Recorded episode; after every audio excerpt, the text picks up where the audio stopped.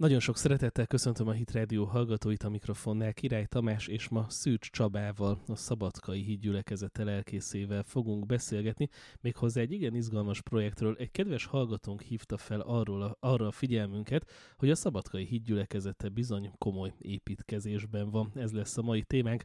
Szerbusz Csaba, köszöntünk itt a műsorban. Szerbusz, én is köszöntelek, és köszöntöm a kedves rádióhallgatókat. Na mi a helyzet? Úgy hallom, hogy nagy fába vágtátok a fejszéteket. Hát igen, ez e, így is mondható. A gyülekezet e, méretéhez képest igen nagy fába, illetve az anyagi lehetőségéhez képest nagy fába vágtuk a fejszénket. Ugyanis e, azt tudni kell a gyülekezetről, hogy 20 éven keresztül különféle véleményekben voltunk, és hát legutóbb egy olyan 400 négyzetméteres csarnokot béreltünk, amely egy elhagyatott ipari övezetben volt, és hát eléggé lepusztult környezetben tartottuk a, az Isten tiszteleteket. Ennek ellenére az adott egy jó lendületet és növekedést is, és hát így került a látókörünkbe az, hogy kezdjünk el építkezni. Illetve hát először nem is építkezni szerettünk volna, hanem megvásárolni egy olyan épületet, amit aztán majd később a gyülekezet szükségleteire formálunk, azonban ez sehogy se nem jött össze, és akkor így került a látókörünkbe egy 8000 négyzetméteres telek, amit sikerült megvásárolni. No, hát ez így elég jól hangzik. És hogy látjátok, mennyire kovácsolta össze a gyülekezetet az építkezés? Ugye amikor ilyen fizikai feladatok vannak, az mindig nagy kihívást jelent. Uh, igen, ez így van, egy nagy kihívás, de ugyanakkor mindenki élvezi. Tehát én azt látom, hogy a gyülekezetet ez nagyon összerázta. Ugye amikor elindult az építkezés, akkor hát ilyen, így euróba beszélek, jó, mert nem tudom, az nálunk ez sokkal használatosabb, mint a dinár, akkor úgyse nem is értitek, hogy mennyi egy dinár. De hát ilyen 2000 eurónk volt, amikor elkezdtünk uh, a, a vásárlásban gondolkodni, és hát akkor ez nagy hitbeli kilépés volt, de így volt látásunk arra, hogy az úr ezt meg fogja adni, és akkor sikerült megvásárolni közel 30 ezer euróért az épületet, vagy az ingatlant, és elkezdeni egy teljesen zöld mezős beruházást, amire folyamatosan kezdtek a testvérek adakozni, magukénak érezték, különféle akciókat szerveztek, voltak, akik önkéntesen ilyen kalácsokat készítettek, és hozták az Isten tiszteletre, ott árulták, vagyis így ajándékozták, de akkor akik a testvérek ebből vesztek, ők adakoztak ugye a, a gyülekezet építésének a céljára, és így folyamatosan jöttek be az összegek, ilyen jelképes téglákat vásároltak a gyülekezetnek a tagjai, külföldre kivándorolt testvéreink is, akik ugye elhagyták a szülőföldjüket, ők is besegítettek, és így folyamatosan gyűlt a, a pénz, és így nem csak a telket sikerült megvásárolni, hanem sikerült kiönteni az alapot. Uh, akkor őszinte leszek, hát volt olyan időszak, amikor eszembe jutott Jézus példázata, hogy amikor elkezdenek építkezni, és hát fontos jó előre látni és tervezni, nehogy csak az alapok legyenek kész, és a vége egy megszigyenülés legyen. De hála az úrnak sikerült túllépni ezen a fázison, sikerült egy kölcsönhöz, hosszú ajánlható kölcsönhöz jutni, és így most már tető alatt van az épület, épp most a belső munkálatok zajlanak, a glettelés, és hát reményeink szerint egy-két két héten belül a festésre is sorra fog kerülni. A tagok egyébként részt vettek a munkálatokban, és ilyenkor mindig szoktak ilyen önkéntes munkák zajlani? Uh, voltak olyan fázisai az építkezésnek, amikor ez lehető, amikor lehetőség volt, amikor már a, komolyabb fázishoz érkeztek, érkeztek a munkálatok, akkor munkavédelmi előírásból ezt már nem tudtuk megvalósítani, mivel olyanok a szabályozások, hogy a kivitelezőn kívül más nem tartózkodhat a, az épületben. Hát ilyenkor is azért kisebb munkálatokat a munkaidőn kívül azért igyekeztünk elvégezni, de mondom, ez már így külön szabályozva volt, úgyhogy volt az az időszak, amikor nem igazán tudtunk részt venni, de a környezet kialakításában, illetve most már utómunkákban egyre több munkát tudunk majd, vagy tudnak a testvérek is bevállalni. Nagyon jó látni azt, hogy a koronavírus járvány ideje alatt is van lehetőség a gyarapodásra és a növekedésre, és hogy a ti gyülekezetetek életében 20 évet követően ez pont egy járványidőszakban jött el. Ez a járványidőszak, ez nehezítette a dolgotokat? Hát igazából a járvány időszak az nem nehezítette. Abban azt elmondanám, hogy ugye az épületnek már kész kéne, hogy legyen, de hát az építőiparban komoly csúszások vannak. Akkor ez nem csak magyar és sajátosság? Nem, nem, nem, ez nálunk is kicsit eltolódott, úgyhogy mink egész nyáron szabadba tartottuk az Isten tiszteleteket, tehát kint a telken. Még a múlt vasárnap is kint volt, kicsit korábban raktuk két órára, de a nap szépen sütött, úgyhogy még mindig meg lehetett tartani kint szabadban az Isten tiszteletet, és hát most költöztünk csak be egy bérleménybe. És soha nem is esett az eső? Hát volt olyan, hogy szaladtunk a tél minden irányába.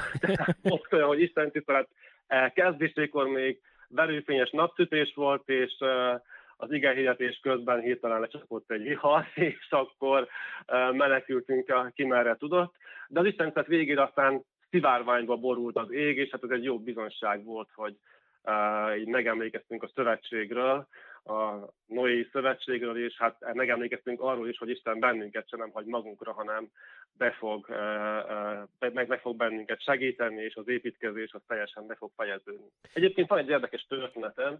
Van az épületünk, vagy a telken egy, egy mandulafa, amit hát igazából én nem ismertem föl, hogy mandulafa, azt hittem, hogy egy basz, és mondtam, hogy ki kellene vágni, ne roncsa itten a környezetet. És aztán olvastunk egy történetet, amikor ugye Jákobról szól, amikor megjelent neki a mennyei lajtója létre, és akkor átnevezte azt a helyet Lúzról Bételre, és a Lúz az azt jelenti, hogy mandulafa, a Bétel pedig Istennek a háza. És ez egy jó bizonság volt nekünk, hogy ez a hely, ami sokáig a mandulafának volt a lakhelye, ez már nem csak a mandulafának lesz a lakhelye, hanem Isten háza lesz, és hogy hm. sokan fognak itt szellemi felüdülést kapni. A, említetted ezt, hogy szabad ég alatt tartottátok az Isten tiszteleteket, hogy ilyen különböző izgalmak voltak, ehhez azért kell a hívő illetben is egy rugalmasság. Tehát mi Magyarországon már megszokjuk, hogy elmegyünk az Isten tiszteletre, kultúrát környezetben leülünk, és akkor ott vagyunk, és hazamegyünk, de hogy ehhez meg egy jóval nagyobb tűrő képesség kell. Hogy látod a közösséged, mennyire bírta ki ezeket a hónapokat? Hát én nem azt nem csak azt mondom, hogy kibírta, hanem még új személyek is csatlakoztak a gyülekezethez, tehát hogy szomszédok közül is megjelentek az Isten tiszteleten, újabb személyek is, akik eddig egyáltalán, vagy voltak olyanok, akik, akik régen jártak, de elmaradtak, és újra elkezdtek jönni. Tehát én azt látom, hogy ez a vadnyugatos helyzet, ami itt kialakult, ez nem hátránya volt a gyülekezetnek, hanem hasznára. Nyilván hosszú távon azért ez már így nem lenne fenntartható, és mindenki vágyik egy jobb környezet után, de hát a szemünk előtt láttuk folyamatosan a változást, hogy azért készülőben van az a csoda, amire már nagyon régóta várunk és áhítozunk. Magyarországról, hogyha valaki szeretné segíteni, támogatni a munkátokat, akkor van erre lehetőség? Van erre lehetőség a Facebook oldalunkon, a Híd gyülekezete Szabadka, vagy Trükva Vere Szubotica, ott fent vannak különféle információk, képek, épp most lakunk fel egy videót a jelenlegi állapotokról, és ott fent van a folyószámla számunk is.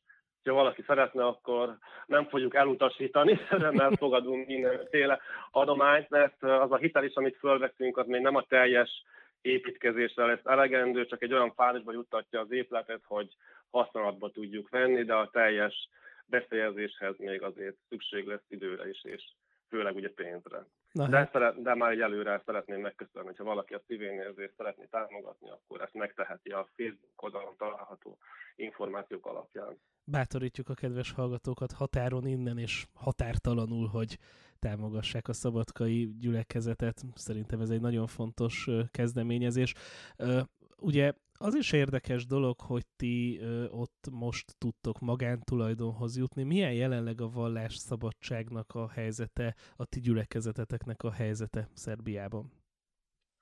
Hát ö, hosszú ö, időszak után, tehát több ö, kérelem után, amit ö, nagyon sokszor, hát közel 15-20 alkalommal elutasították a kérelmünket, három évvel ezelőtt ö, regisztrálták a gyülekezetünket, egyházi státuszba kerültünk. Ennek köszönhetően a gyülekezet ingatlanja is egyházi bejegyzésben szerepel, tehát ilyen módon teljes lehetőségünk van a vallásszabadsággal élni. inzultusok nem érnek bennünket, szabadon bírjuk gyakorolni a vallásunkat,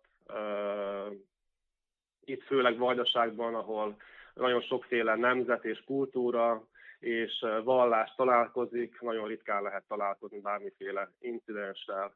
Tehát Szabadkán jelen van a, a, a katolikus, a, a, a pravoszláv egyház, a protestáns gyülekezetek, emellett a muzulmán egyháznak is, illetve a, a muszlim közösségnek is van saját otthona, és hát így nekünk is, és ezek a gyülekezetek, a zsidó hitközségnek is, egy hatalmas zsinagógájuk is ugye fel lett újítva, ami a Dohány utcai zsinagóga után, ha jól tudom, Európában a legnagyobb területű zsinagóga, és ezt a szerb állam és a magyar állam, főleg a magyar állam segítségével sikerült helyreállítani eredeti állapotában. És az, hogy most ilyen a vallásszabadság, az egy folyamat eredménye, vagy 20 évvel ezelőtt is ilyen volt? Hát 20 évvel ezelőtt még nem is volt törvény, tehát lehetetlen volt bármelyik kisegyháznak beegyeztetnie magát, és aztán később a Milosevici rendszer bukása után egy 6-7 évre e, sikerült meg a, lé, e, megalakítani, vagyis létrehozni a vallásügyi törvényt, és ez alapján aztán már lehetett kérelmezni az egyházi státusz, de a kisegyházak folyamatos elutasításban volt részük, így nekünk is, és azt követően, miután bennünket elismertek, utána több kisegyháznak is sikerült magát beegyeztetnie. Teszem azt hozzá, hogy amikor még az épületet megvásároltuk, vagy az ingatlan megvásároltuk, akkor még nem is a Szabadkai gyülekezet nevére vásároltuk meg, hanem a Magyarországi Híd gyülekezetének a nevére.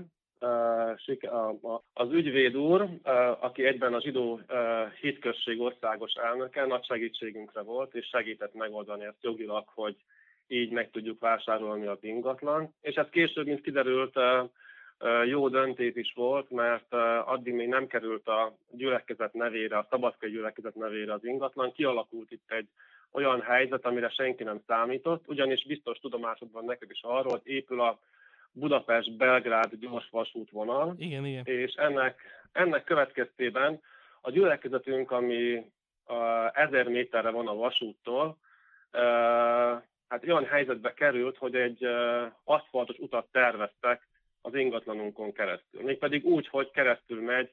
A gyülekezeti épületen. Az igen. Úgyhogy, úgyhogy amikor kaptam erről tavaly februárban egy értesítést, hogy jóvá hagyták a gyülekezeti ingatlan kisajátítását, akkor nem tudtuk, hogy mi van.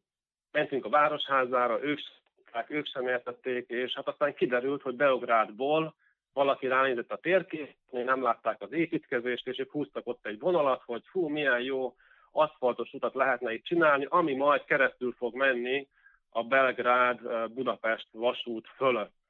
És hát akkor kialakult ebből egy nagy uh, probléma, le kell állítanunk az építkezést, az alapok már ki voltak öntve, épp kezdtek, kezdték volna folytatni a kivitelezők a, az építkezést, amikor jött ez a, az értesítés, és aztán nagyon nagy segítségünkre voltak a, a, a VMS-ből is, illetve a a nagy beruházási államtitkárságról is, és akkor sikerült egy kompromisszumos megoldást találni, úgyhogy az utat arra helyezték, csak mi miattunk, meg hát azért is, mert akkor még az ingatlannak nagy része az a, a Budapest gyülekezet nevén volt, és hát nem akartak ebből egy nemzetközi konfliktust, és akkor így került az út, és így mi is jól jártunk, mert kapunk egy új aszfaltos utat, az épület is megmarad, és hát sikerült ennek hatására jó kapcsolatokat kialakítanunk az állami szervekkel is. Úgyhogy a rosszból tényleg egy nagyon jó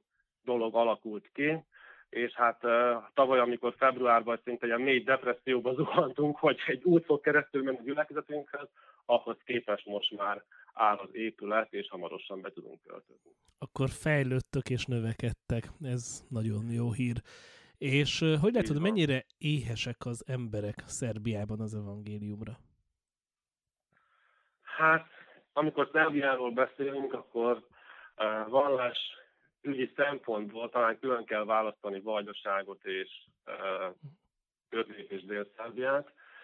Vajdaságban nagyon erősek az evangéliumi protestáns közösségek. Ez annak is köszönhető, ugye, hogy Mária Terézbe idejében ide belettek telepítve nem kívánatos protestáns népek, úgyhogy élnek itt szlovákok 50-60 ezeren, a románok az úgy érthető, a román határ mentén, de itt vagyunk mi is, ugye magyarok, és legalább 27-8 náció él itten, akinek mind megvan a saját vallási, nemzeti, kulturális öröksége és közössége, és itt az emberek sokkal nyitottabbak az evangélium befogadására.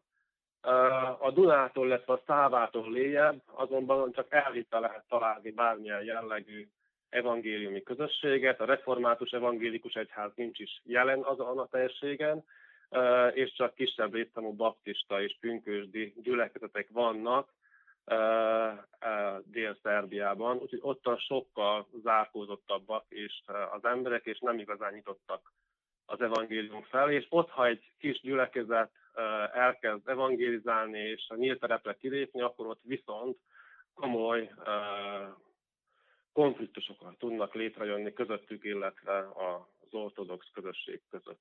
Hm. De minden esetre jó hallani azt, hogy éltek, hogy fejlődtök, hogy növekedtek, és ezúton is kérem még egyszer a Hit Rádiónak a hallgatóit, hogyha tehetik, akkor támogassák a vajdaságban zajló munkát, Szabadkán az épülő gyülekezeti házat. Nagyon sok erőt, kitartást kívánunk nektek a következő időszakra, és reméljük, hogy minél előbb be tudtok költözni a saját otthonotokba. Szűcs Csabával, a Szabadkai Hídgyülekezete lelkészével beszélgettünk. Köszönjük, hogy itt voltál velünk. Én köszönöm, szervusztok!